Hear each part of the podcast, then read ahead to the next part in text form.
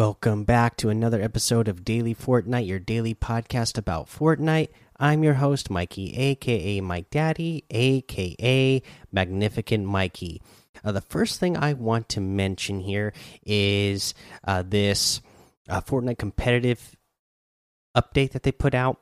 Uh, well, not that they put out, just a little thing that they said on their social media. They actually put out these official rules a while ago, uh, but for some reason, over the last couple of days, uh, it seems like the entirety of the competitive community is just now realizing that this was a thing this season that they implemented, even though they announced it a few weeks ago now. But so they say here with the start of Cash Cups in Chapter 2, Season 4, participants will only be able to compete in one region per competition per week. Please make sure to go through and review the rules, and then they link out to the rules. And uh, we read this post, uh, you know, not too long ago. It was the Fortnite competitive integrity update. That you know they they mentioned in that that that was going to be a thing, uh, but I guess until uh, people in the competitive community went to actually go play in these and then try to compete in multiple regions, uh, they just now are realizing, oh, this is something that changed.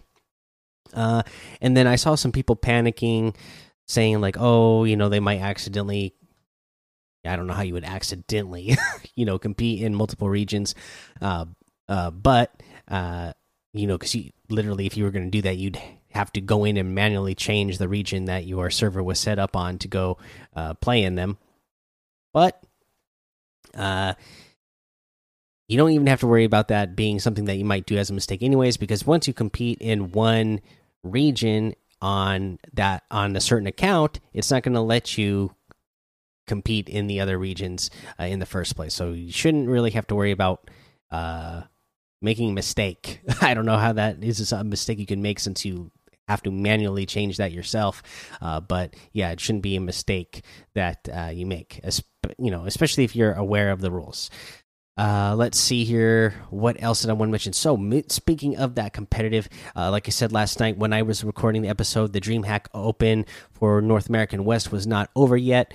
Uh, well, obviously, it ended after I recorded the episode, so we know the winner, and that was Elige. And I'll tell you what, I went back and looked at clips from DreamHack yesterday, uh, the grand finals, and there was a lot of great gameplay. So go back and even if you don't watch the whole thing, go back and watch the highlights because there's a lot of good stuff in there.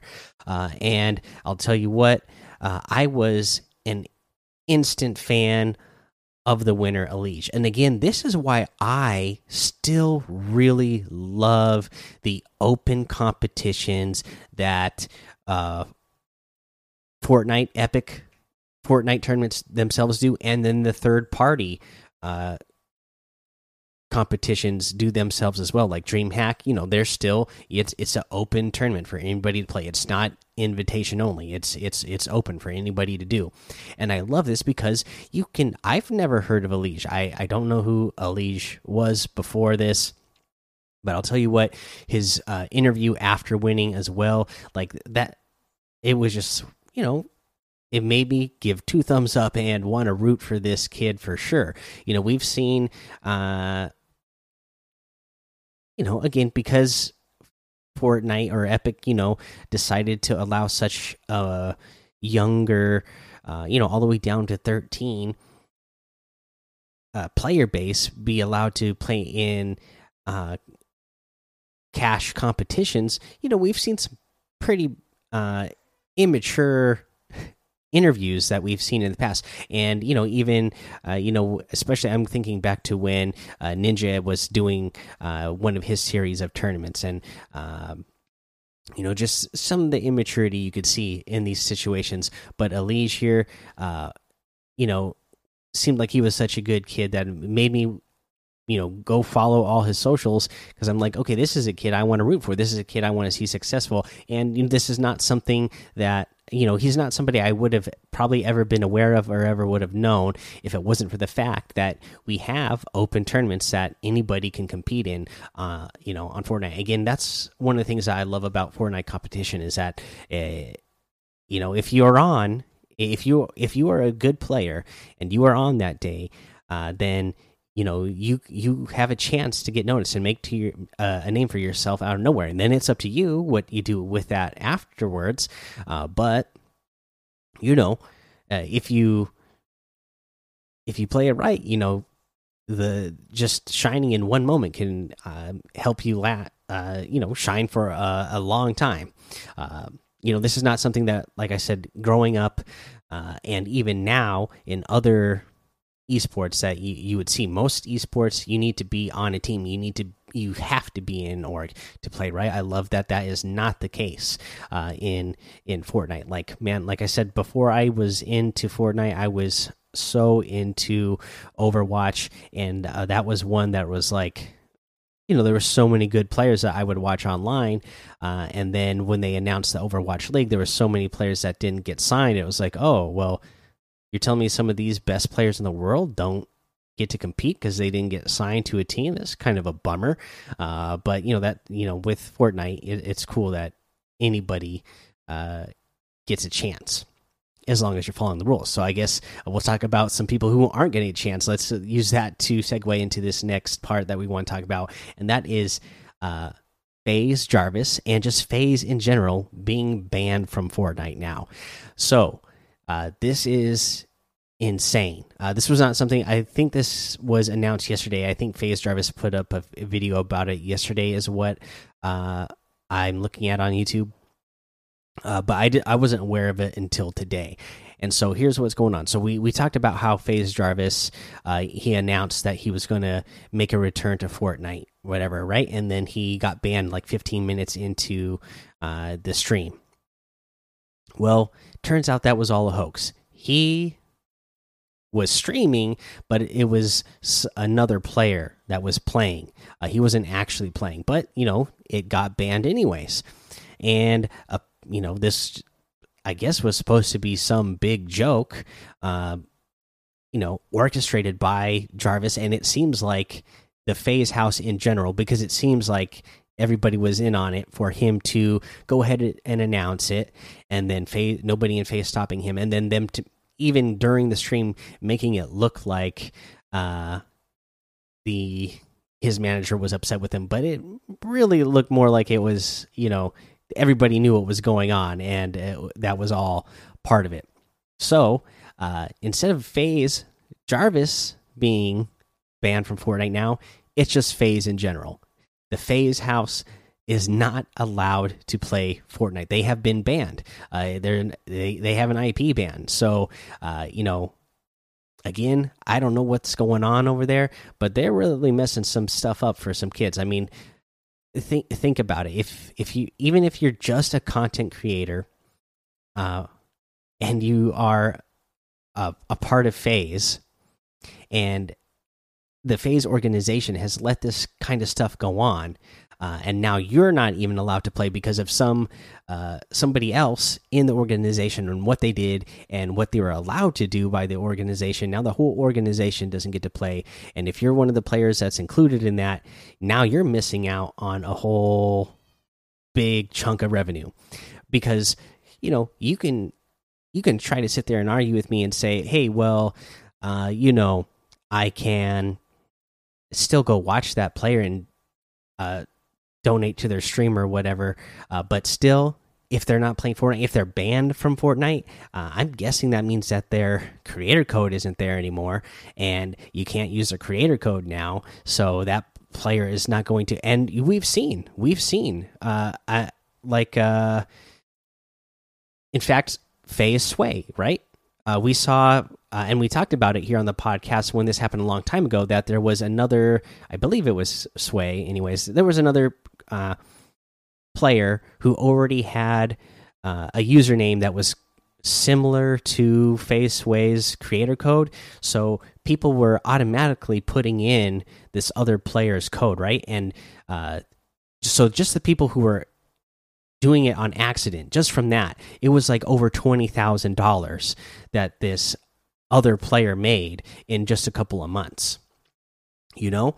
Uh, so we see that the biggest players uh, and the most famous players in this game can make a lot of money from that creator code. But now if they're banned and not allowed to play and don't have that creator code anymore, then you know that's literally thousands or tens of thousands of dollars a month that uh, some of those uh, big name kids are losing out on. And I tell you what, if I was in that organization, I would not be happy about that at all. Uh, but yeah, it just seems kind of like par for the course for that FaZe organization organization over there. So uh, we'll see what they kind of do going forward and how they try to uh, clean things up over there so that they can, you know, get themselves back onto uh, still right now uh, the biggest game uh, and biggest uh, revenue generator uh, out of games for content creators. Let's see here. Uh, that's all the news I got for you, though. Actually, no, no, no. There's one more thing that I want to mention. So about competitions, so they made there was another change so let's get to that change that happened as well. So uh, we have updated the Cash Cups timings in EU. Moving forward, Cash Cups will run from 6 p.m. until 9 p.m. CEST. And then also, due to kicks and login errors, because there was, uh, I guess Fortnite was down for a while today. I was at work, so uh, I didn't experience it. Uh, but uh, it was down today, so we are nulling results from today's Paradox's Platform Cup in the EU server region. This event will be rescheduled to Friday, 9 18. Uh, we are also rescheduling today's Paradox Platform Cup in NA West, NA East, uh, and Brazil to Saturday, uh, 9 19. So there you go. That's uh, the reschedulings. You'll also find that in the compete tab. So uh, that's where you're going to find that. Now let's go ahead and talk about our challenge ship. This is the one where you place fire traps. If you're struggling to find fire traps, head into Team Rumble. You're going to find it fire traps easier just because there's so many more supply drops that you have a higher chance of getting uh, fire traps in that mode. And then, you know, just you're in Team Rumble, so even if you get killed right after opening it uh, and you pick it up, that's fine because you'll just respawn and then you have a chance to set it once you land back down in the match. All right, let's go ahead and take a break here. All right, now let's talk about another awesome item shop today. Again, you know, like I said, they I they're putting out banger of item shops because I think they're really trying to make up for that revenue that they're not getting from Apple right now.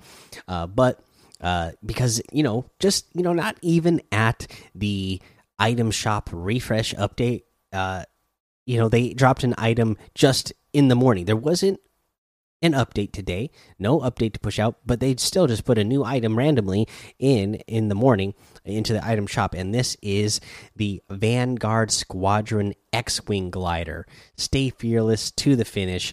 This is absolutely awesome. Again, you know, I'm such a Star Wars fan. I love this thing. It is an X Wing. You even see the droid on top. This is really, really cool. Oh my gosh, I want it so bad. So this is 1,200 V bucks. Uh, it's really hard to pass up on, uh, but uh, yeah, I absolutely love it. yeah, you know, how could you not? Love Star Wars. So here's the other awesome stuff that we got. We have the Galaxy Pack bundle. So you remember, you know, this was another Samsung thing that you could get this for. Uh, you would get this with whatever item you, you bought it with, I believe, or there was some sort of mobile tournament. I think is what you could earn this in. Maybe is what it was. I don't remember exactly, but I know that this was something that uh, you could have gotten before, or uh, you know that you either could have earned or uh, you know, got for buying something early. I don't remember. Anyways, it's got the Galaxy Scout outfit. Discover victory in the stars.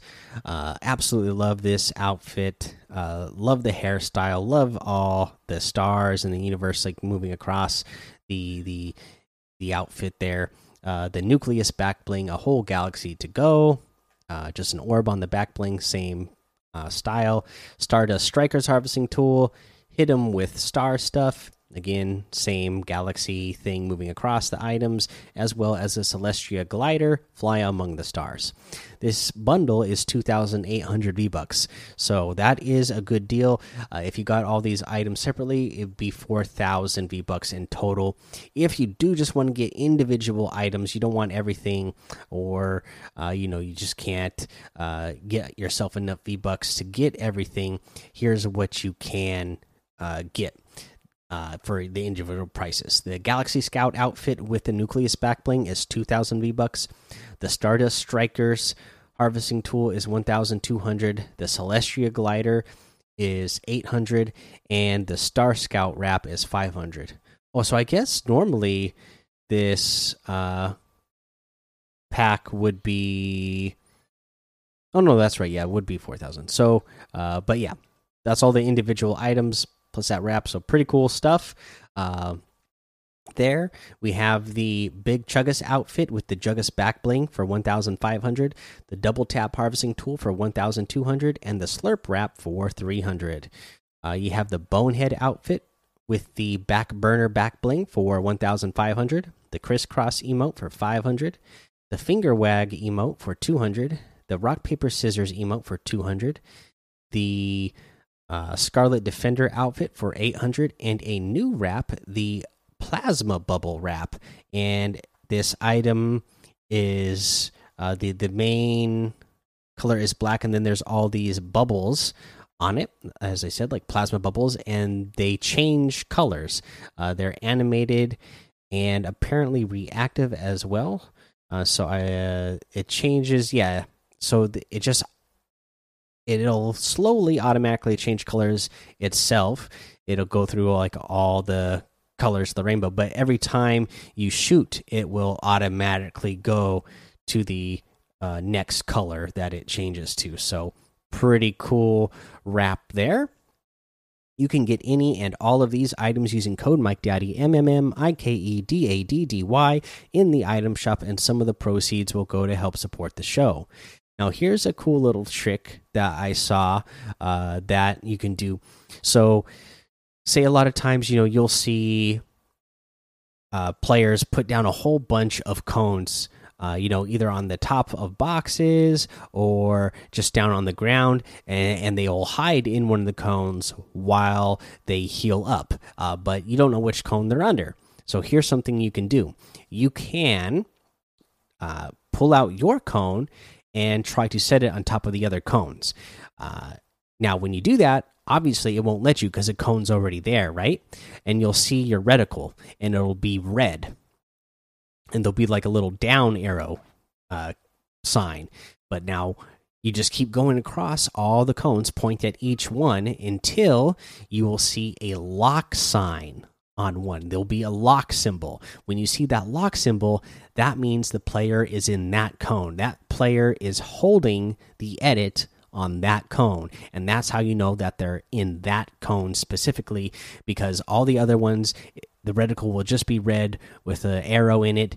But now the one with the lock symbol means that the player is inside that one. So that's a cool little trick that might help you uh, in situations where you are trying to finish off a player who you've already damaged uh, and they know they're weak. So they try to put themselves in a situation where they think they might be able to fool you long enough to, uh, you know, either reload their weapons or heal or whatever it is. Uh, this way, you're going to be able to find them fast and not have to waste all your ammo uh, or, uh, you know, spend a bunch of time swinging your pickaxe trying to find which one they are under. You'll just figure it out right away by looking at your reticle and seeing that lock sign. All right, guys, that's the episode for today. Go join the daily Fortnite Discord and hang out with us. Follow me over on Twitch, Twitter, and YouTube. It's Mike Daddy on all of those. Head over to Apple Podcasts, leave a five star rating and a written review for a shout out on the show. Make sure you subscribe so you don't miss an episode. And until next time, have fun, be safe, and don't get lost in the storm.